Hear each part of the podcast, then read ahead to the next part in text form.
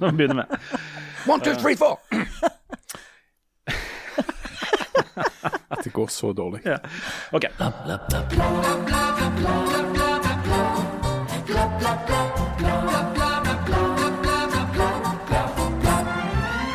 I dag blir det stille og rolig med bare koselige og kjekke tema.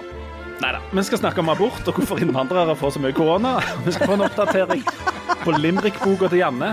Harald sin vaksine, Jan sitt indre liv, og kanskje blir det en tur til Nantucket. Mm. Jeg, jeg må gå.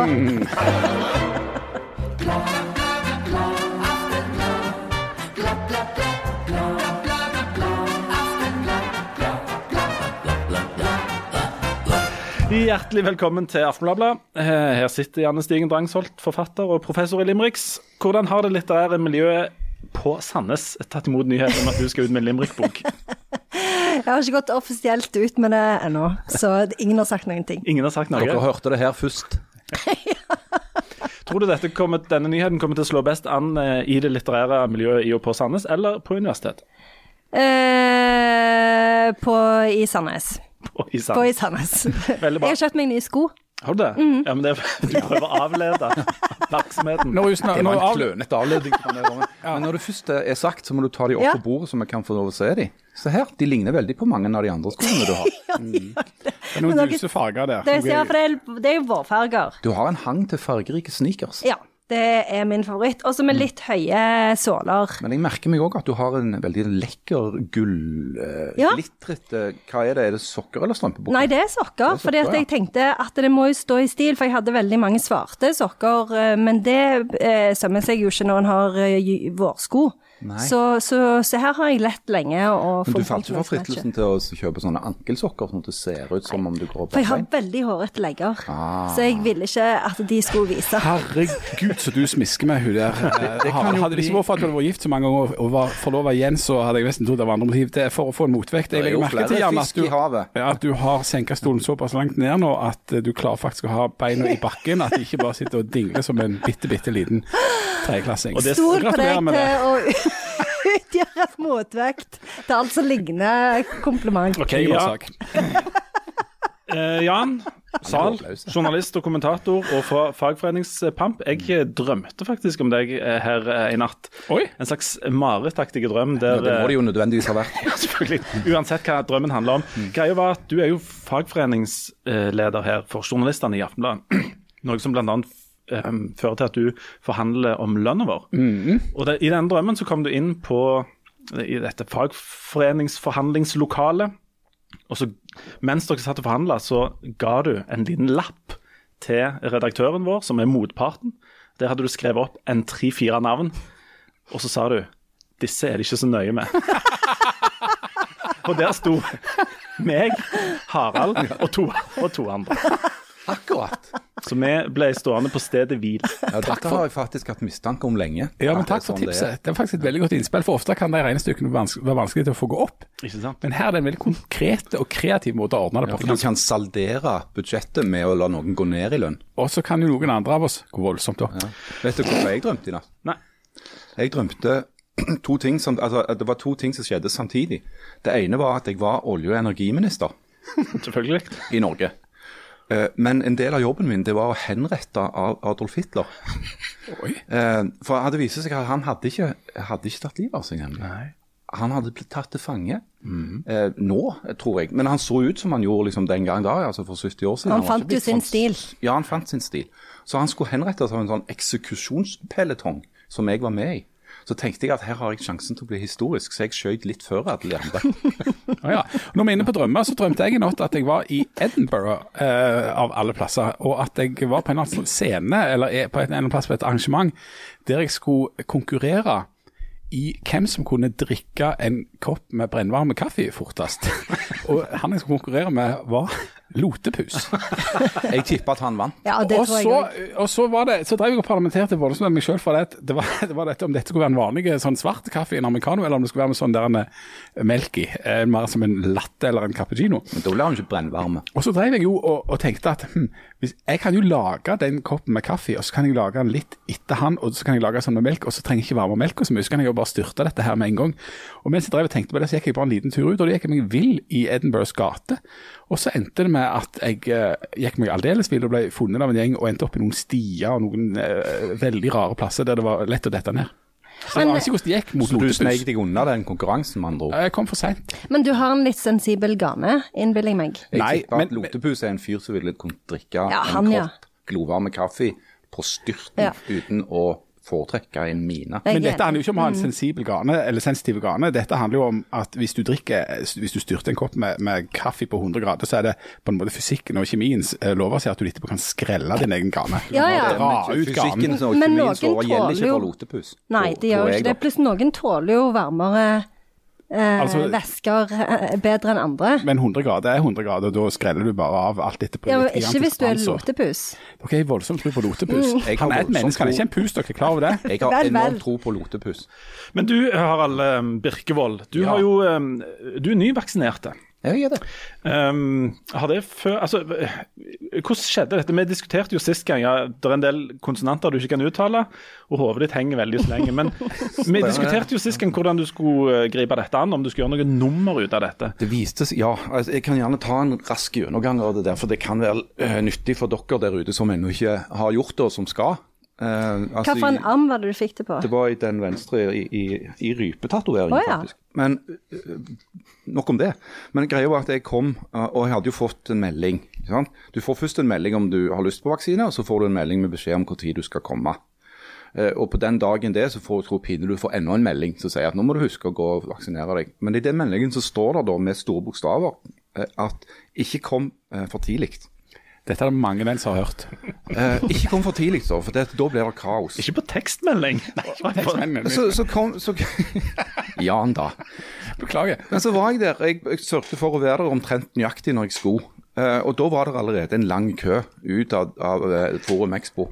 Og så kom det en sånn en fyr fra Tystebærpolitiet som hadde fått eh, ja, de som vaktene sant, som skal holde kontroll. Så kom han gående langs der og så spurte han hvem er det her som skal klokka halv ti. Og jeg skulle halv ti, så jeg rakte opp hånden. Så så jeg liksom rundt meg. Ingen andre. Og så viser det seg selvfølgelig at der krelte det jo av sånne som hadde kommet en time før, for å være på sikre sida.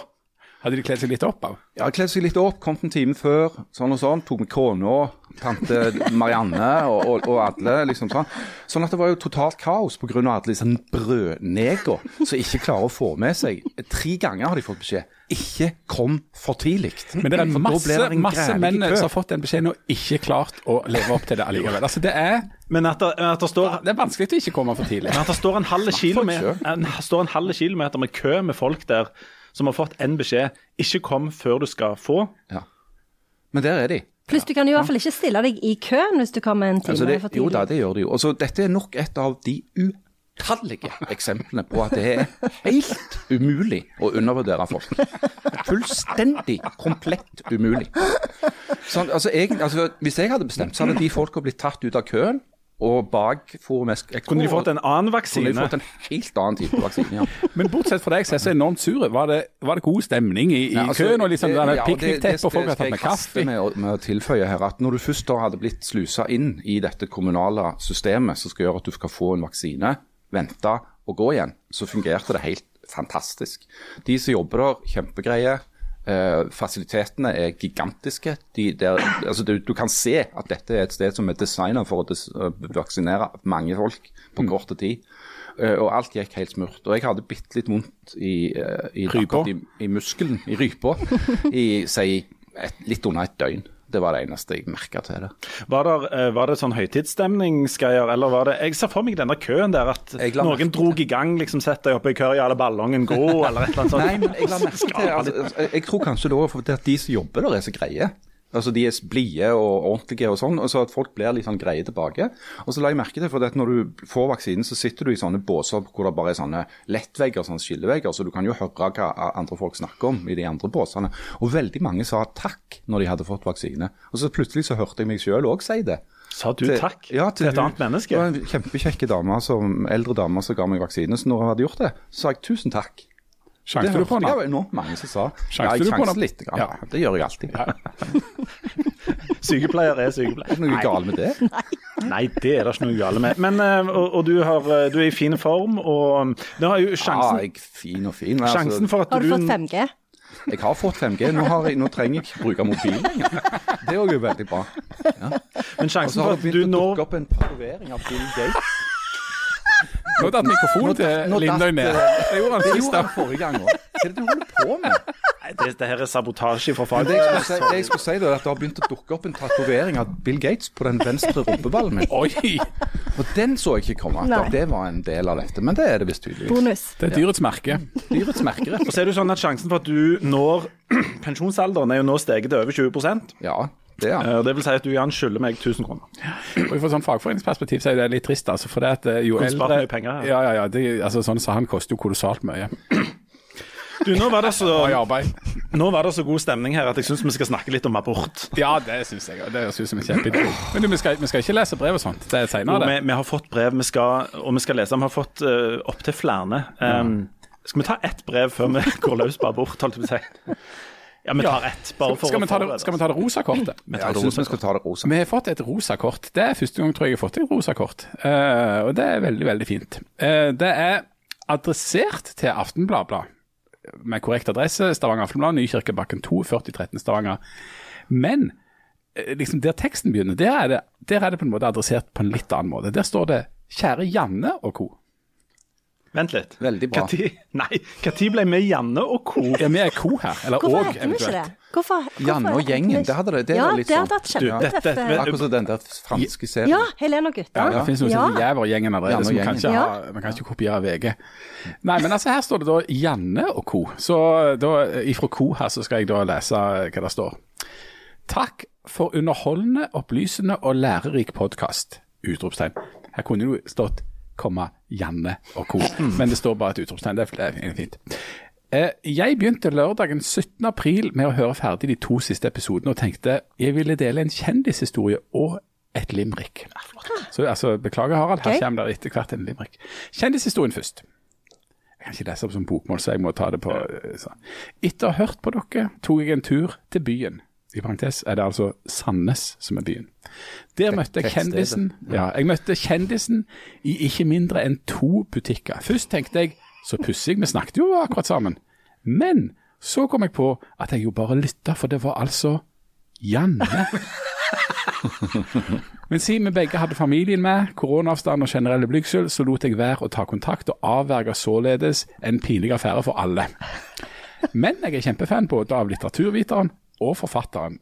Jeg legger merke til at det står altså ingenting om ko. ko. Jeg hater du oss, da? Så OK, da snur jeg rosa eh, kortet. Så kommer vi til limericken. Jeg kjenner ikke Leif Tore, i parentes Leffi, spørsmålstegn, men kjenner flere fra bydelen. Så her kommer det altså en limerick. En gladkristen gutt ifra Riska, som stadig var ute og fiska. Gospel han sang og buksa var trang. Leif Tore, nå blir du diska. Kjempebra! Det var veldig bra. Det var veldig bra, for den lever på til formkravet uh, og, og melodien og, og hele greia. Jeg syns ikke han var grov nok. Eh, etter å ha hørt Det var jo fiska. Det var jo litt Nei, det er eh, ikke grovt. Etter det, den Nan- Nantucket-varianten så er det ingenting som er grovt nok. Ja, Så, eh, så avslutter vi med å beklage, for det er jo ikke pleier å bedrive poesi. Eh, Men det er ingen grunn til å beklage det, men dette med ko kunne du kanskje beklage litt. Grann. Helsen Elisabeth fra Sandnes. ja, Det var kjempefint. Og Veldig, du, Janne, ble skikkelig glad for Ja. det kortet, ja. Jeg ble veldig glad for det kortet. Og jeg gleder meg på dine vegne. Ja, takk. Åh, du er meg. Ja. Jeg, må- jeg må bare si at jeg, det er en slags oppreisning i dette. fordi at det var noen som eh, Det med Janne og co. det ble gjerne litt mye, men jeg fikk i alle fall en limerick. Men vi, fikk en, vi har fått en eller annen slakt. Jeg lurer på om det er inne på iTunes en plass der det står at Janne er gode, men de to andre journalistene som er med, de er noen brødhover. Og det regner jeg med er dere to, men jeg er ikke nevnt engang i slakten, og det syns jeg er Nei. Du er ikke verdt å skjelle ut engang, liksom. Og det ser, ser ut som et minstegram. Nei, men du, nå, eh, da tror jeg Janne og co. går over på, på første tema. Det, kommer mer både Limriks og kort uh, og innspill. Men gjerne Janne eller gjerne gjengen? Fordi at jeg liker godt gjerne gjengen, siden det er jo nesten sånn alliterasjon. Ja. Det er jo du som åpenbart styrer butikken her, så du får bestemme sjøl, hvis det er så mye. ja, og pga. det med alliterasjon, så, så heter altså VG sin eh, gode podkast 'Jæver og gjengen'. Å ja, det heter det, ja. ja den, men ja, OK, da. Før het han Jæver Joffen, men så slutta Joffen pga. noe bruduljer. Ja. OK, Janne, vil du bare ta oss videre, da? Du ler så fint. Snakk litt om abort. Nei, Har vi er jo-? Vi er nødt til å snakke om abort. Ja. Uh, I og med at dette er en aktualitetspodkast, så kommer vi liksom ikke utenom. Og du uh, har uh, sittet og fulgt eh, disse landsmøtene, og uh, SV sitt. Da ble det um, plutselig fyr i teltet, Harald. Ja, det gjorde det. Eh, jeg skrev òg en kommentar eh, basert på det vedtaket som, som SV eh, lander på, da. Eh, og det jeg har merka meg Du må si, si hva vedtaket er. Ja, altså, ved, altså vedtaket i SV innebærer at uh, abortnemndene skal fjernes, sånn at det blir eh, fullstendig eh, såkalt selvbestemt abort. Altså det er kvinnens valg helt fram til eh, uke 22. Eh, I dag er det sånn at eh, hvis du ønsker abort etter uke 12, eh, så er du nødt til å gå via en såkalt nemnd, eh, altså en medisinsk oppnevnt eh, nemnd som skal vurdere om det er grunnlag for det. For det at I dagens abortlov så står det liksom at etter uke 12 så kan du allikevel få abort på visse kriterier. F.eks. hvis det er svangerskap innebærer fare for mor og barn, eller alvorlig sykdom hos barn osv. Så, videre. så det SV har gjort, er egentlig å bare flytte eh, uke 12 fram til uke 22. Eh, Men det er, jo, det er jo ekstremt langt. Altså det, sånn 12 og 22, det, det er liksom Det noen tall der. tall. Vi snakker om et eh, altså, to tredjedels godt eh, svangerskap. med, og, og det som i dag regnes for å være grensen for levedyktighet hos et normalt utvikla foster, er uke 23. Sånn at grensa er, det er jo flytta helt opp til den grensen, da. Eh, men det jeg har merka meg, det er at etter at det vedtaket ble fatta på landsmøtet, og SV fikk ganske mye kritikk fra veldig forskjellig hold. Det var ikke bare tradisjonelle abortmotstandere kan du si, som reagerte på det vedtaket. Det var òg folk som var opptatt av å beskytte den abortloven vi har nå. Eh, så har SV-ledelsen og en del SV-medlemmer rykka ut med veldig sånn likelydende forsvar for det vedtaket. Noe som i mitt hode i hvert fall tyder på at SV-ledelsen har plutselig blitt klar over hvor, eh, hvor på en måte drastisk eh, de gikk til verks, og driver nå med en form for sånn skadebegrensning. Men jeg skjønner ikke hva, hva, altså, hva var begrunnelsen for at de tok dette opp i utgangspunktet? Altså, Hva var det som presset det fram? jeg har lyst til å skylde litt på Erna Solberg. Du liker jo det. Ja, men nå skal, jeg, nå skal jeg begrunne det. Altså, Ballet ble åpna av Erna Solberg når Erna Solberg skulle prøve å lokke Kristelig Folkeparti med i regjering. Eh, da dingla Solberg muligheten for en innstramming av abortloven foran høyresida i KrF. Det førte til at KrF nesten ble delt i to. Eh, Knut Arild Hareide trakk seg som partileder når det viste seg at et flertall i partiet var villig til å gå i regjering med den begrunnelsen at de hadde en historisk mulighet til å få en innstramming i abortloven. Dermed, mener jeg, kan du argumentere med at ballet ble åpna av Høyre. Eh, Som gjorde at abortloven, som har ligget der som et slags politisk kompromiss i veldig mange år, abortloven ble vedtatt i 1975, eh, plutselig kom i spill. Plutselig ble en politisk brikke som du kan spille med. Og Da tenker jeg at det er relativt påregnelig at du f.eks. får en form for sånn overbudspolitikk. Når f.eks. Arbeiderpartiet, eh, MDG og Venstre har gått fra inn for å flytte grensa fram til uke 18 Og Rødt. og Rødt, eh, så vil du få en, kanskje en tendens hos noen eh, i gåseøyne radikale krefter til ok, kjører kjøre den enda lenger, da. Hvor langt, hvor langt går det an å gå? Og der Begrunnelsen har vært at det, det er disse nemndene, det er dette uverdige med at en gravid kvinne skal være nødt til å presentere saken sin for en nemnd eh, i et spørsmål som egentlig handler om hennes kropp og hennes valg. Eh, og så har de liksom kjørt det ut eh, så langt som det går. Ja, helt fram til eh, levedyktighetsgrensen. Eh, og Det er det som er problem, problemet, sånn som jeg ser det. fordi at abortloven, det, handler, det, det blir for banalt å si at dette kun er snakk om et spørsmål om kvinnens valg. For det at inni kvinnen vokser det et lite menneske som på et eller annet tidspunkt har eh, rettigheter, helt individuelt. Og Det er jo det som er kompromisset. I den tidligere, den gjeldende eh, abortlovgivningen så er det altså en vurdering av som, altså at, at kvinnens rettigheter skal stå sterkt, men på et visst tidspunkt jo, jo jo større og, og, og, nærmere å bli et levende menneske dette fosteret blir, så, får, så utvikler det òg på en måte rettigheter. Sånn at det en, skal ligge en beskyttelse der òg. Og det er derfor hele den nemndsystemet er kommet inn, og det er derfor det er på en måte grenser for når du kan gripe inn da. Og, og jeg er helt enig med, med, med, Harald at det er Høyre og KrF som på en måte åpner opp den der krukka der. Men um, jeg mener at det er uh, det er litt på ville veier når du ender opp med at det blir en konkurranse i å framstå som progressive. Uh, I hvor langt du kan pushe den grensa for å, hevde at dette er da eh, altså, Men vi hører jo hva vi holder på med her nå. To menn over 50 som ja. sitter og diskuterer, Janne. Ja, nei, jeg syns jo det, det er helt sånn... meg av, bare, hørte jeg. Ja, okay. jeg syns bare det er så utrolig kynisk. Og jeg skjønner ikke eh, hvorfor du skal hoppe fra uke 18 til uke 22, når en vet hvor enormt mye som skjer i akkurat de ukene. Og hvis du har vært gravid, så har du jo vært på ultralyd i de ukene og sett hvor enormt mye fosteret utvikler seg. Og jeg leste jo en sånn en kronikk av Gro Nylander i går og hun har jo alltid selvfølgelig vært en tilhenger av den eh, abortloven. Du må kanskje forklare hvem Gro Nylander er? Gro Nylander er jo eh, en av de mest kjente eh, eh, fødselshjelperne i Norge. Hun har jo skrevet tusen på bøker hvor du får hjelp eh, som både gravid kvinne, og du får hjelp eh, til, altså når barn har blitt født, og hun hjelper med amming. Og hun, hun er jo en av de fremste ekspertene på eh, graviditet og, og, småbarnsfasen. Og hun sier jo at eh, hun er selvfølgelig tilhenger av, av, abort, fordi at det er jo et nødvendig onde. Men, eh, men at hun er sjokkert over at eh, SV foreslår å ha abort fra uke 22. Og så beskriver hun eh, i den kronikken en, en, en, en, abort i den uka, og, og beskriver den effekten som et sånn et inngrep har på de helsearbeiderne som, som tar del i det.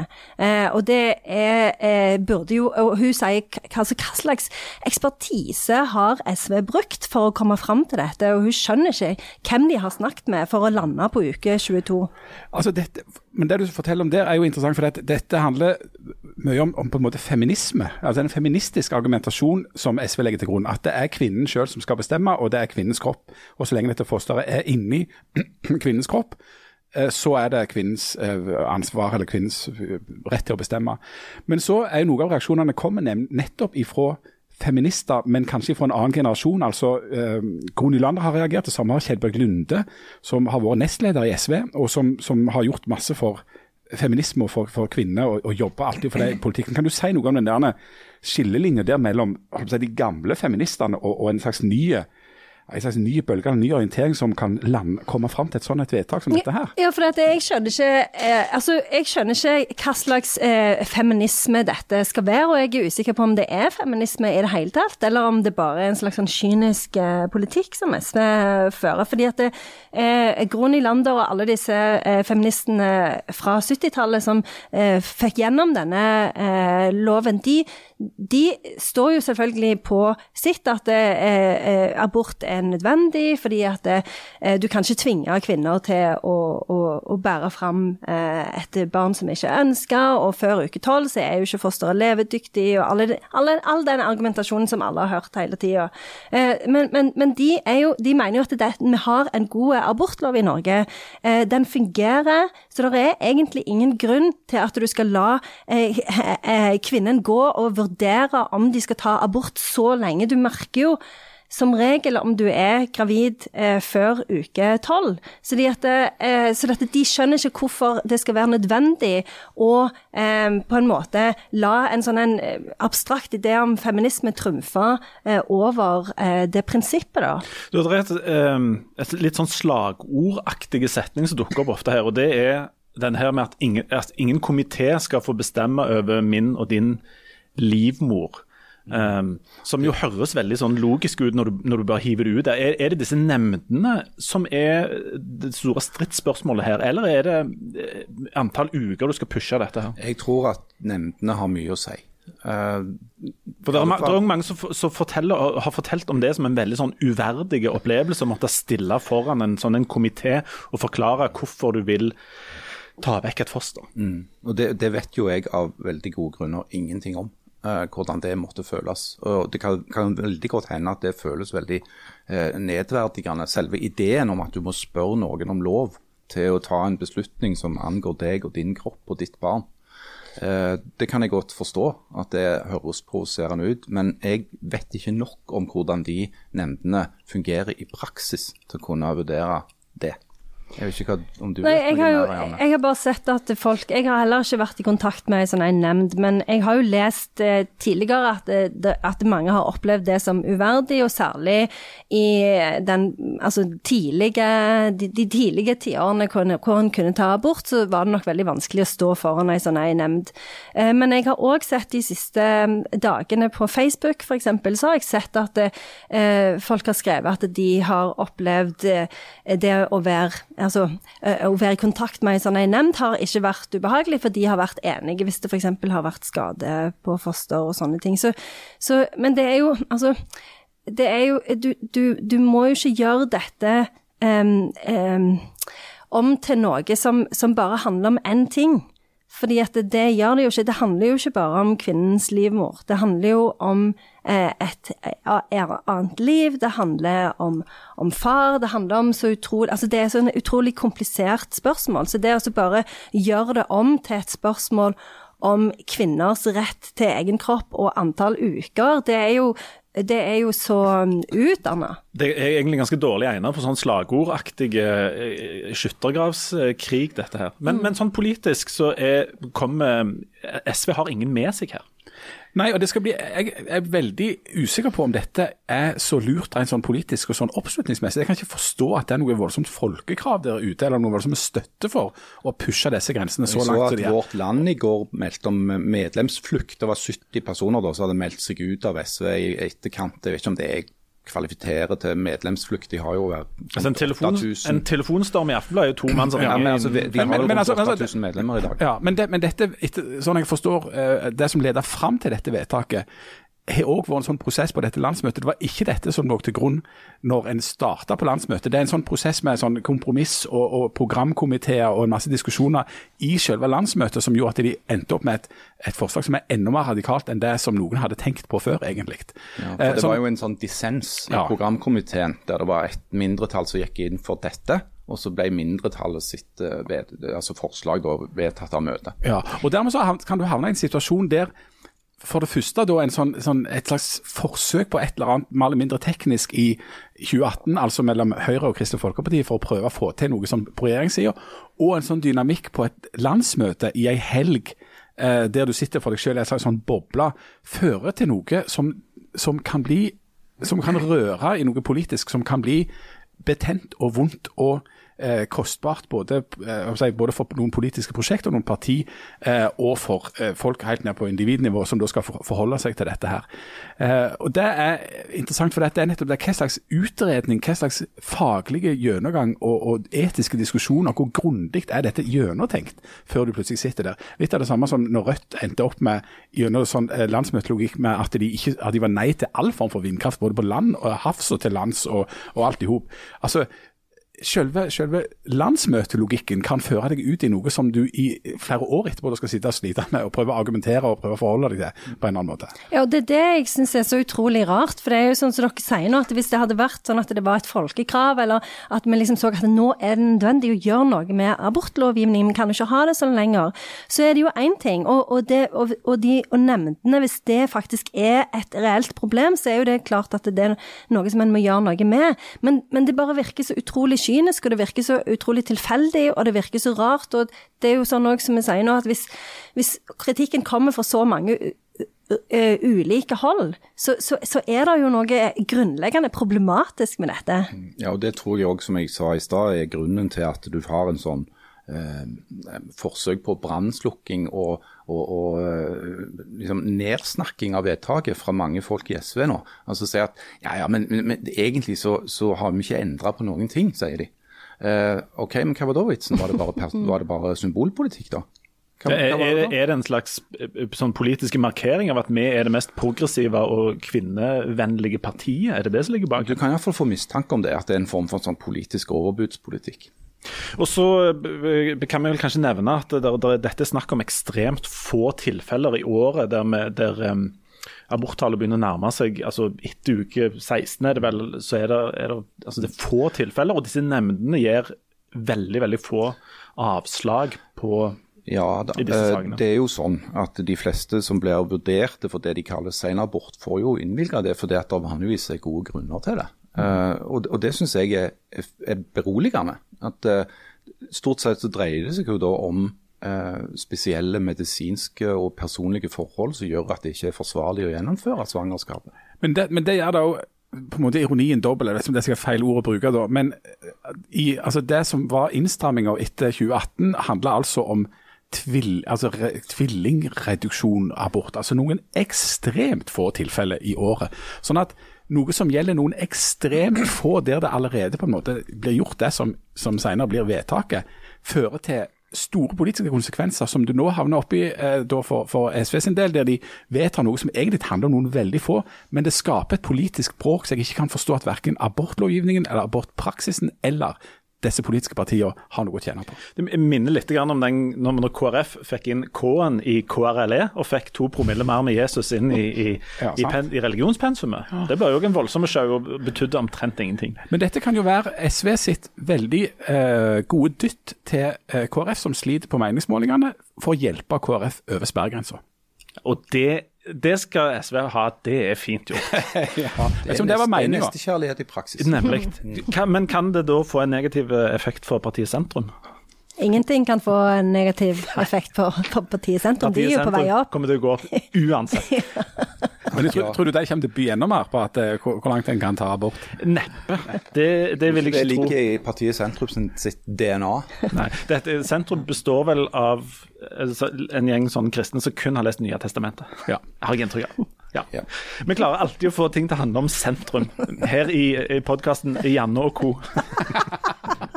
Ja, men det er strålende. Nå ble det kjempegod stemning her igjen. Vi, vi, må ta en eh, liten, eh, rask pause. Og så, for å gjøre stemningen enda bedre, så skal vi snakke om innvandring. Men vi skal prøve å løse det opp med litt limericks og litt innspill, og muligens en kjendishistorie til slutt som handler Det er en, en, en kjendis forteller en kjendishistorie. Kommer til å bli veldig bra. Vi er øyeblikk bak.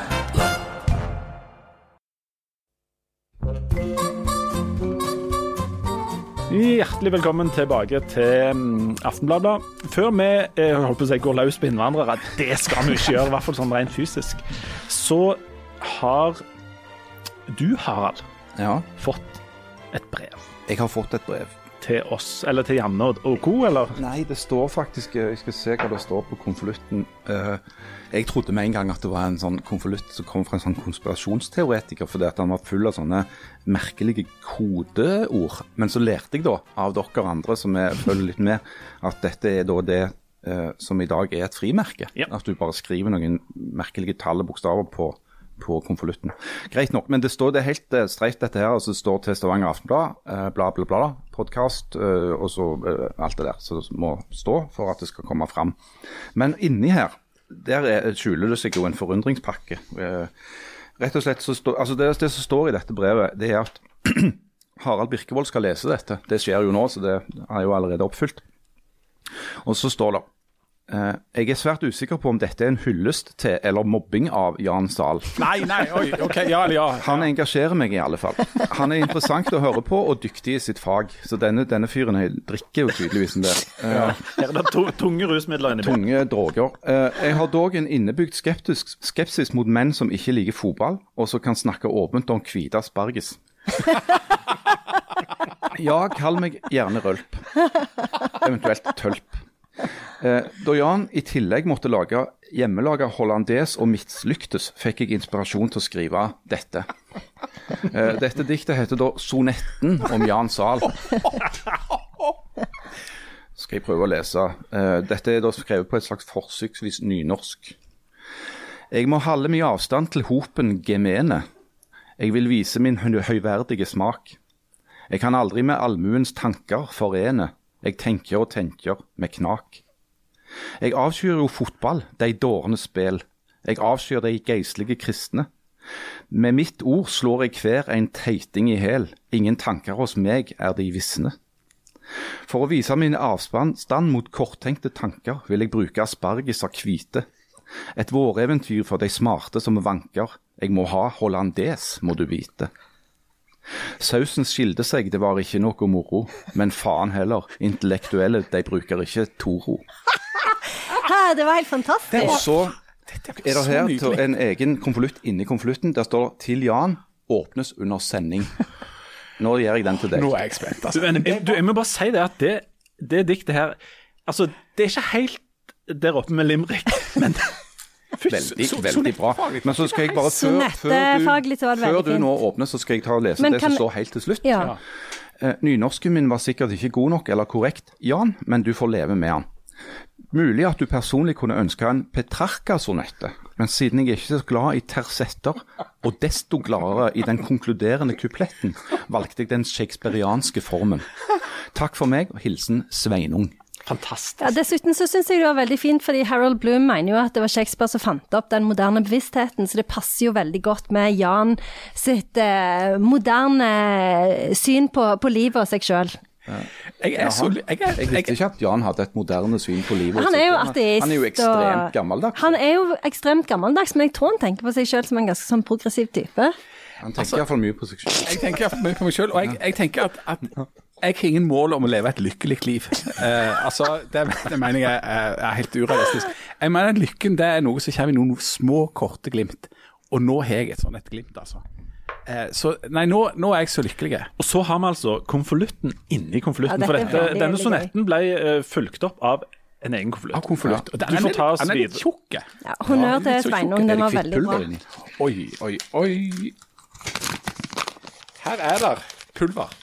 Kvittpulver. Det er ikke, det er ikke kvitt, men det er to, en pose med to sin hollandes.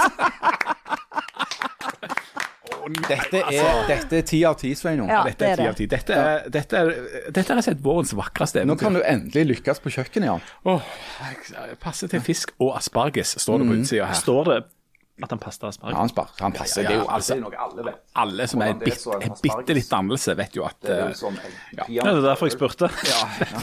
Nei, nå er jeg så, nå er jeg så lykkelig at jeg nesten ikke vet hva jeg skal si. Jeg, jeg vet hva du, hvordan vi kan fortsette dette.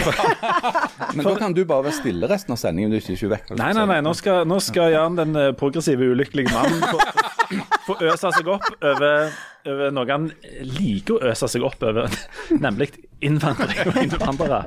Eh, For eh, vi her i podkasten Janne og co. hadde tenkt at vi skulle eh, Vi lar det ikke være med, med, med abort. Vi går òg løs på vår nye mannslem. Ja, vel. Nei, altså, jeg, jeg syns det Det skjer jo mye interessant innenfor både både det ene og det andre. Ja, det Ikke bare innenfor dette med saus, men også innenfor samfunn. Saus og samfunn, kanskje det hadde vært en egen podkast. Eh, nei, altså, eh, det er jo sånn at når det, når det skjer ting i verden, så så har jeg tenkt eh, i det siste at det er interessant å se hvordan ting blir fortolka ut ifra hvor du politisk står. Eh, og eh, I det siste så har det vært en del nyheter eh, og en del stoff og utredning av dette med koronasmitte, og hvordan den har vært veldig ujevnt fordelt blant folkegrupper i Norge. Og Da er det sånn at innvandrergruppene har hatt en uforholdsmessig med god margin smitte og, smyt, eh, altså, og, og, og innleggelser på sykehus, rett og slett. Altså, det er langt flere i innvandrergruppene som har eh, fått korona og blitt syke av det og blitt innlagt på sykehus av det, enn en, en, eh, Ja, I prosent, ikke i absolutte tall. i, i prosent ja, sant, av, av, av, av befolkningen. Så Men, så tre ganger omtrent. ja, tre ganger omtrent. Altså I Oslo så er altså 60% av de smitta totalt sett har hatt innvandrerbakgrunn. Eh, og 66% altså to av tre av de som har blitt innlagt, har hatt innvandrerbakgrunn. Og det, Da er det noen land som, som også utmerker seg. altså eh, Det pakistanske miljøet har vært uforholdsmessig hardt eh, ramma, og det somaliske miljøet, men altså også Afghanistan, og, altså, eh, altså innvandrergrupper. Ok, Så ser du på det. Og så er det for det første litt sånn komplisert. Skal du, skal du si det, eller skal du skrive om det, eller hvordan skal du snakke om det? Skal du peke ut ulike eh, si, etniske grupper eller, eller, eller bakgrunner, eller noe sånt som dette? For det er, da beveger du deg allerede inn i sånn minebelagte landskap. Og det er der det kommer den, den politiske betraktningen. For det at det at det er sånn, at dette er et faktum, sant? rent sånn tallmessig så er det et faktum, hvordan skal du fortolke det? Og Da blir det enda mer interessant og enda mer komplisert. fordi at Da er det veldig fort sånn at hvis du er innvandringsskeptiske og, og, og, og kanskje ligger til høyre i politikken, så vil du si at dette er noe med innvandrerne gjør, og måten de lever på, måten de ikke klarer å forholde seg til vet jeg, råd og innspill og sånn som dette her. Altså, Det er en sånn hundefløyte der som går på at dette er noe, dette innvandrer sin egen, sin egen skyld, og du legger slags sånn ansvar og skyld der. Men hvis du da kommer til den politiske venstresida, så vil de peke på og det har de gjort her. At nei, dette handler om sosioøkonomi. Dette handler om at de har utsatte yrker, at de bor veldig trangt, at de ikke er så høyt på den sosioøkonomiske skalaen. Altså Det er på en måte systemet eller strukturen som forklarer at den smitten har vært sterkere der. Og Så kom det i forrige uke en, en uh, rapport fra Folkehelseinstituttet som viste at dette med trangboddhet eh, og, og sånne sosioøkonomiske faktorer forklarer en veldig liten del av Eh, den økte smitten i akkurat disse gruppene. Det forklarer noe, men det forklarer ikke på langt nær så mye som en har tenkt. Og Da er vi i en situasjon der vi vet egentlig ikke helt. Og det er veldig uavklart. Og så blir det veldig vanskelig å snakke om. For med, omtrent uansett hva du sier, så vil du plassert, bli plassert i en sånn politiske bås, i en sånn, sånn fortolkningsramme, der du ikke nødvendigvis befinner deg. Men, men hvordan kan du snakke rasjonelt og rolig og med lav puls om disse tingene her? Aftenposten har gjort veldig mye god journalistikk på det, som, som vi òg har, har, publisert til oss. Eh, som har gått veldig sånn nøkternt og kaldt gjennom dette. og det er, det er, jo veldig interessant, for at Hvis du skal nå fram med tiltak, så må du forstå hvorfor det er sånn som dette. Harald? Ja, jeg følger deg eh, i den analysen at det er helt klart eh, spor av en sånn politisk posisjonering Eh, der folk på venstresida har en tendens til å vektlegge eh, noen faktorer, mens folk på høyresida har en tendens til å vektlegge andre. Eh, og Det passer jo veldig godt inn i det generelle skjemaet, hvor venstresida har en tendens til å se på strukturer og forhold ved samfunnet for å forklare dette og hint, mens høyresida har en tendens til å vektlegge individuelle faktorer. Det ligger jo i hele venstre-høyre-aksen omtrent. Men det jeg har merket meg, da, det er at Eh, det har blitt satt spørsmålstegn ved eh, f.eks. FHI sin måte å eh, beregne smittetrykket på. Jeg så en, en lengre utregning av dette på, på, Facebook i går i en tråd. jeg tror det var på veggen til hun Shazia Masid, som jobber i VG. der det, de gikk på at uh, f.eks. definisjonen av trangboddhet er litt sånn rar i, i FHI sine beregninger. Fordi at en, en enslig som bor i en leilighet på 30 kvadrat, er like trangbodde som fem stykker som deler en leilighet på 200. Eh, det sier jo nesten seg selv at smittetrykket må være litt høyere hvis det er flere folk til stede. Så det var visst enkelte sånn deler av beregningsmetoden til FHI som ble liksom diskutert. Da. Eh, og jeg tenker at Hvis det er noe som dette lærer oss, så er det at eh, hver gang det kommer en, et eller annet autoritativt fra noen, f.eks. FHI som du nevner, eller fra Statistisk sentralbyrå eller fra Folkehelseinstituttet, så vil folk liksom kaste seg over det hvis det bekrefter det de allerede eh, har lyst til å mene. Sånn at Når det kommer en beregning fra FHI som sier at nei, det er ikke så enkelt som at det bare er trangboddhet, så kaster høyresiden seg over den og sier at aha, her har vi et bevis sant, på at eh, vår teori om samfunnet er den riktige. Eh, og så kommer det en eller annen korrigering fra en f.eks. i Statistisk sentralbyrå. Så kaster venstresiden seg over den og sier at ha-ha, der ser du, der tar høyresiden feil, for det viser seg å være mye mer sosiokulturelt. Og sånn går nå dagene. Men begge altså, er jo, dette men, er jo men, det generelle debattklimaet. Men begge sine kaster seg jo over det lenge før det. Altså Når en får vite at smitten er sånn og sånn fordelt, så kaster jo begge sine seg over det og forklarer det ut ifra sin mm fortolkning av verden, eller, men da er det jo mer kanskje magefølelse eller ideologi, altså på begge sider gjelder dette her, da. Altså På Dagsrevyen, mener jeg det var i går, var det i går? Ja, kanskje, så, så var det en, en kar fra det somaliske miljøet i Oslo som var der og sa det rett ut, at ma mange somalier kommer fra en kultur hvor uh, du ikke har noen som helst tiltro til opplysninger som kommer fra myndighetene. Uh, sånn at det kan være med å forklare en del av dette. At, at folk rett og slett ikke stoler på den informasjonen de får, er mer interessert i informasjon fra andre kilder. om. Eh, og vi vet jo òg at det der, ikke bare i innvandrermiljøer, men i ganske store miljøer i Norge, så, så verserer det jo historier om at det, det er ikke så farlig med covid-19, og det er bare en forkjølelse. og Altså, det har du jo eh, massevis av eksempler på. Altså, disse her uh, rare folka som driver og brenner munnbind foran Stortinget. og sant? De holder på. Men nå viser det seg jo at tallene da, at, at det er noen plasser som likevel, altså noen miljø som allikevel utmerker seg. Mm. Men det er veldig interessant det med kultur. Jeg så også han somalieren som sa det. Men det er jo vanskelig å si, eller det er vanskelig å snakke om på en rolig måte. For da havner du fort i at dette er en slags stempling, nærmest. av, Hvis du sier at men dette ligger i kulturen, Al altså at du har et annet forhold til politiske autoriteter. Det var òg eh, en sak i Dagsrevyen fra Kristiansand, der de hadde f.eks. begynt å bruke leger eh, i et, et blokk der det var veldig, veldig mange innvandrere.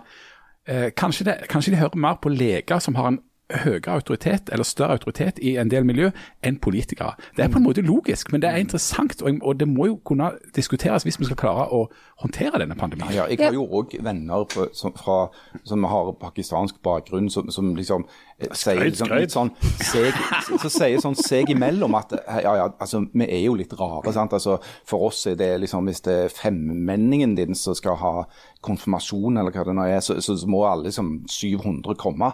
Hvis ikke så er det en fornærmelse. Kanskje vi burde liksom roe oss litt når det gjelder, det gjelder alle disse familiesamlingene og sånn. Men det er ofte sikkert lettere sagt enn gjort det. Hvis det er et voldsomt eh, liksom, forventning om at du skal stille opp eh, i alle sånne sosiale sammenhenger, og at det er veldig en fornærmelse hvis du ikke går. ja.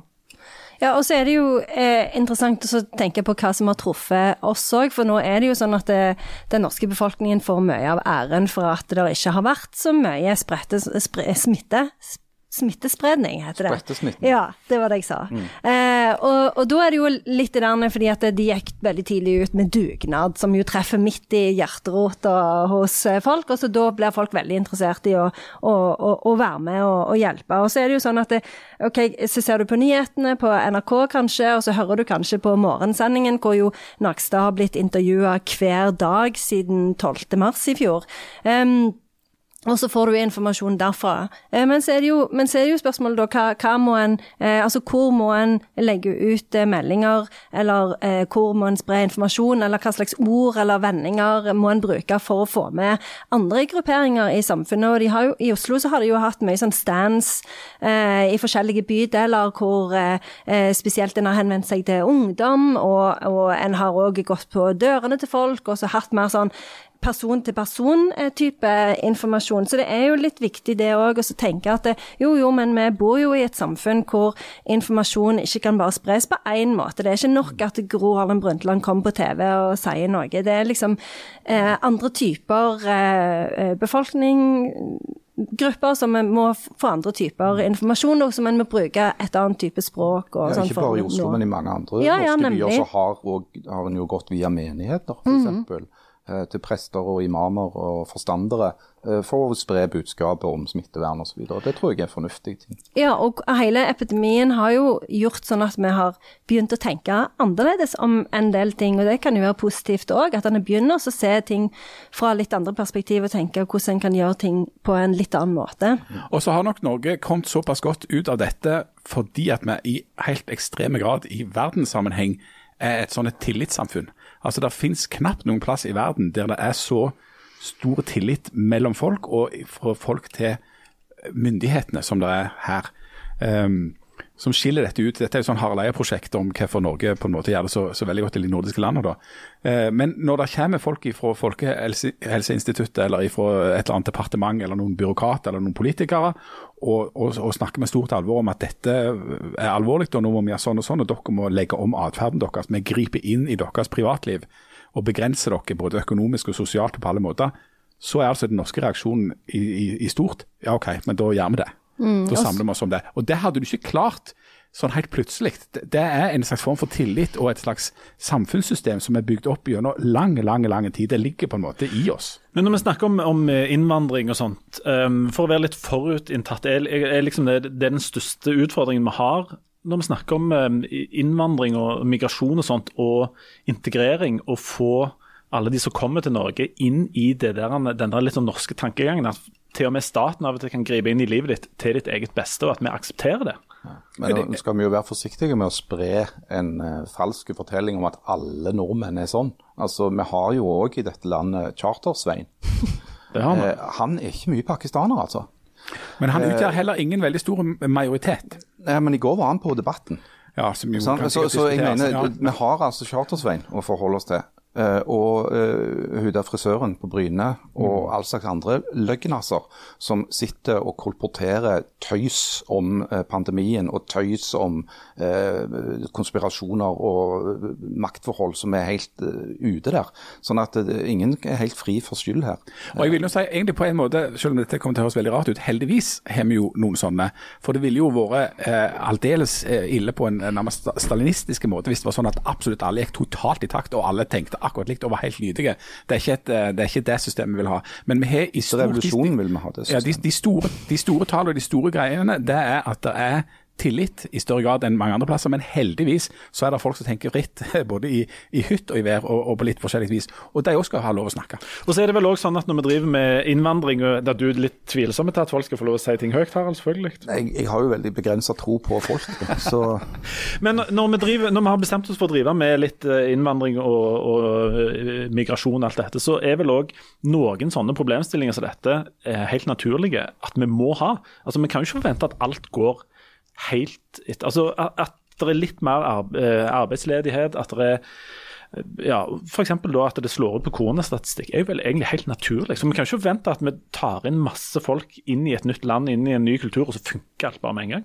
Du kan ikke forvente at det skjer med en gang, men jeg mener det er en viktig del av det norske integreringsprosjektet, som er ekstremt viktig for at folk som kommer hit og skal fungere her, på en måte er med på det. da. Og Det handler om alt ifra dette, altså at her stoler vi på hverandre, til at det er lov å være f.eks. homofil. eh, At eh, damer har rett til å bestemme over seg sjøl. Så, altså sånne ting, så det, det, det er på en måte helt sånn, det, det, det, det er basic ting, men, men, men eh, det er jo en del av prosjektet med å, å, å, nasjonsbygging i et land, rett og slett. at Å finne ut jeg har, er jeg har liksom ikke høyere forventninger til folk fra Somalia, eller med bakgrunn fra Somalia, enn jeg har til Chartersveien. Sånn at eh, det er liksom de, det er Folk er folk, altså. Og de er veldig enkle og Charter-Svein, var, var ikke han SV-er, han? Han vet Jo, han var det. Men Charter-Svein er jo Han er jo bare Svein nå. Det finnes jo ikke charter. Han vet jo ikke hvem han er. Han er jo i en Han- dyp charter står i identitetskrise. Ja. Men sånne, sånne navn beholder du jo til evig tid. Altså, Det finnes jo fremdeles sånn Kråkeslottet-Knut, og der ingen kunne tro at noen kunne bo. Aslak. Ja, Eli fra Portveien. Ja. Og han Jarl eh, Goli. Ja. Portveien eh, Ja. Jarl. Du, sånne ting blir du ikke kvitt. Nei, er, ikke er du Camp Culinaris, Harald? Eller slo, slo aldri det helt an? Ja, altså I noen kretser så er jeg nok det. altså I det norske reality-miljøet så, Ja. så er Ja, pluss for meg vil du alltid være det. Ja. Og vi, vi er jo på vei til å bli altså det, Her har vi jo uh, Janne og co. Jan. Janne Eller hollandes-Jan, som de også kaller Nei, Du, må- du må ta den sterke Toro.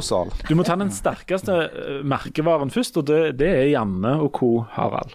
Ja, Det er men det jeg, du jeg er helt eh, komfortabel med å være det. Jeg, det. Men du, Når du snakker om noen sånne rare norske kulturelle verdier som jeg tenkte på på vei hit i dag, som jeg syns er merkelig, så der jeg tilhører Chartersveien-segmentet.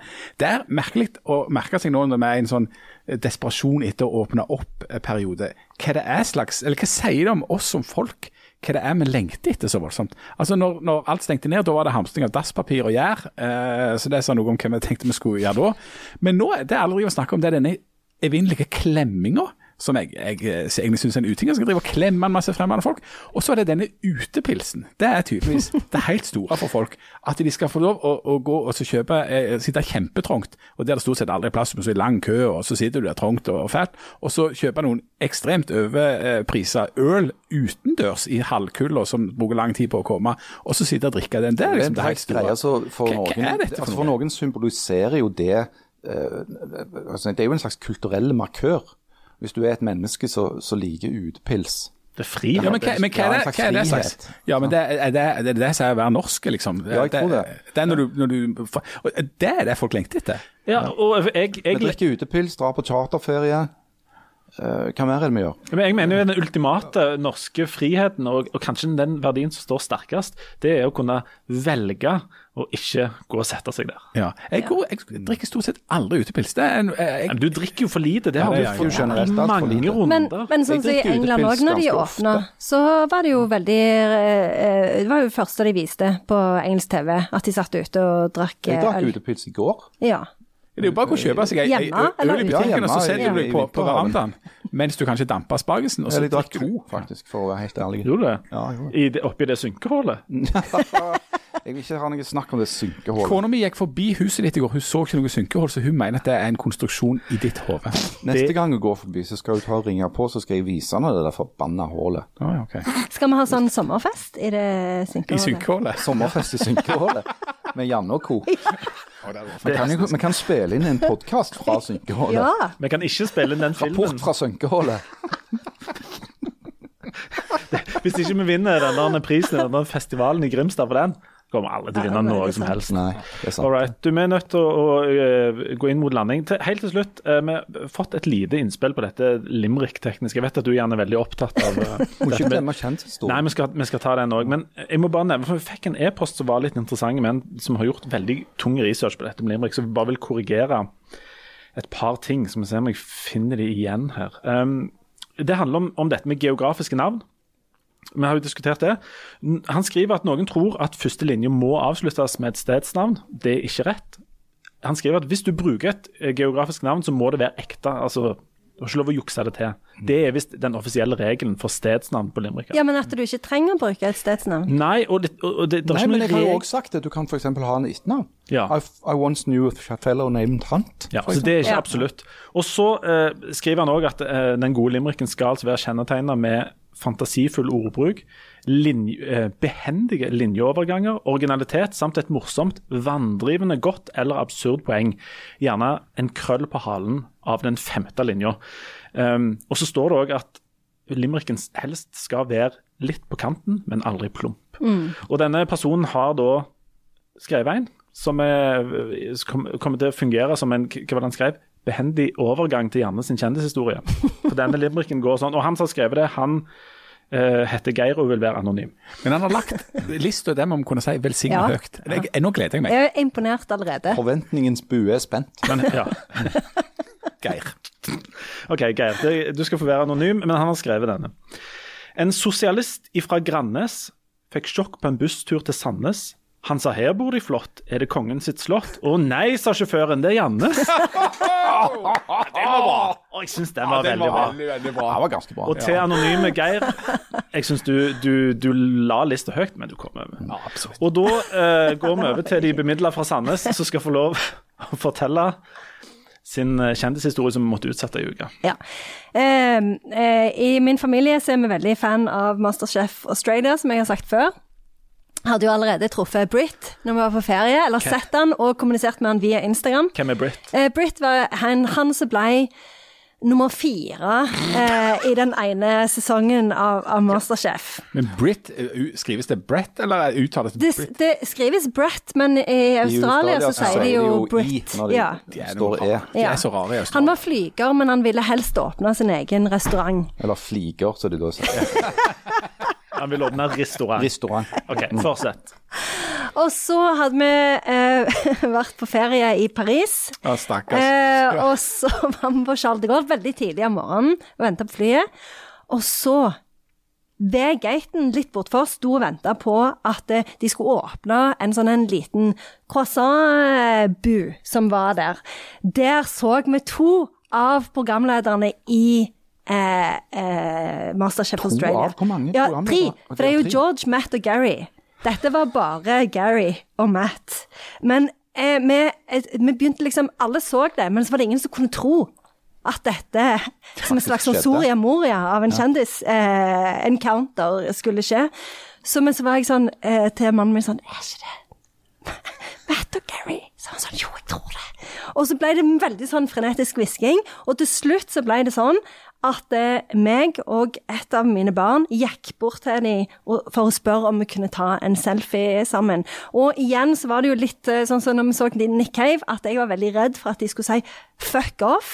Og ikke minst til dette barnet. Eller fick off, Ja, som de da sier. eller fuck off, kanskje, Ja, hvis ja. de Eh, Men vi gikk bort, og de bare superhyggelige. Og jeg var sånn eh, Excuse me, sir.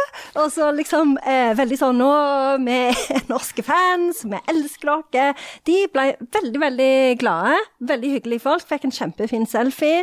Eh, og eh, det jeg, var litt sånn som når Jan åpna eh, den uh, Tore-posen i stad. Eh, jeg, det var et øyeblikk av eh, ren lykke. Fantastisk. Og da kan jo vi, det passer jo veldig godt å si at nå får vi snart vår egen Instagram-konto for Aftenbladet. Og der kan jo den selfien eh, få prominent plass. Mm, For det er en veldig fin selfie.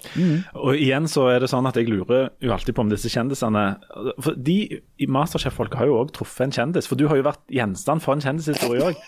Så tror du de sitter i Australia og så sier de The time we met Yanni? Jeg fikk inntrykk av at de ikke Ginny. visste hvem jeg var, men eh, det kan jo være de bare played it cool, da. Ja, det gjorde de. De ville ikke gjøre noe nummer av det. Og så er det bare spørsmål om tid, for før eller senere så oppdager de hvem dette var. ja. Den enormt korte rik, eh, rikdomsforfatteren og professoren fra Sandnes. Du er veldig opptatt av høyden min, du. Ja. Men, men, eh, men det som jeg var litt glad for at ikke George var der, for han er jo litt sånn hissig bra. Eh, og kan, det kunne gått begge veier. Hadde vært der, så kunne det gått galt. Jeg er enig. Mm. Så de var jo på vei til, til København, da, for at de skulle spille inn eh, en episode der. Jeg har aldri sett på dette, men jeg skjønner jo at jeg kanskje må. Det må du. Mm. Vi, vi har sett de 31 siste episodene av eh, 2020-sesongen, og vi avslutta i går, så i går fikk vi se vinneren kåre. Og jeg må si episoder altså, et- Det er 60 én milliard ja, altså. Hver sesong Herregud. Denne sesongen her, jeg har ikke sett, eh, det, før, men denne sesongen, 2020-sesongen, hadde 61 episoder. Og uh, som eh, tidligere har skrytt av, uh, og takk, tusen takk, Janne, eh, dette er Masterchef på et helt annet nivå. Ten out of ten, som de pleier å si. Ten out of ten. Og med det eh, fra, eh, så tror jeg vi takker for oss her fra Janne og co.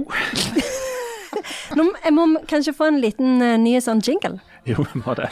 Der, der kun du er med og forteller Janne, Janne, Janne, Janne, Janne, Janne, Janne, Janne, Janne, Janne, Janne, Janne og co. Den var, den var veldig fin. Ja, fryktelig greier. Vi kjører med den. Vi takker for oss. Um, og etter den eh, gamle jingle-outroen vår, så skal jeg lese én limerick fra Nantucket. For de som, det er ikke 18-årsgrense, men det er 16-årsgrense. Så eh, snakkes vi neste uke, hvis eh, Gud og Janne vil. Ha det! Ha det. OK. Denne her syns jeg var ganske fin. Ikke så grov. Men, Men, men hvor kommer den fra? Internett. Ja, OK, så du har bare funnet den Jeg har brukt internett? veldig mange timer på å okay. søke på Nantucket. Okay. Ikke si at han ikke altså, Han må være litt grov, hvis ikke er noe poeng. Han er ikke grov, men han er, han er plump. Men, oh, ja. men, men du driver og googler lim limericks nå for tida. Hva er det, hvordan reagerer algoritmen i Google på det? Hva er det slags reklamer du får opp for tida? Det lurer jeg på. You don't wanna know. Dette er litt som når jeg eh, skulle fra Love Shop og sånne Husk, plasser. dere husker, husker eh, bandet eh, Euroboys, som var veldig kule Ja, ja. på en stund? Ja, ja. For en stund siden. Knut Schreiner. Ja, Knut Schreiner og de. Og jeg eh, på et tidspunkt skulle skrive noe om de, og var veldig i beita for et bilde av de, så jeg tenkte uff, jeg får vel google Euroboys. Å nei, Uh -oh. ikke gjør det. Euroboys er ikke bare et Folk, band, en, folkens, ikke gjør det. men det, det er en egen sjanger med nøgenhet på nettet, der det er veldig få kvinner med. Men uansett, Uh, nei, ja, det blir mye løy. Men altså, den, den her går sånn, da. There once was a man from Nantucket who decided to shit in a bucket. There was no reason why, it was all by and by. He just saw an opportunity and took it. Det var en søt liten uh. Ikke sant? Took it rimer ikke på bucket.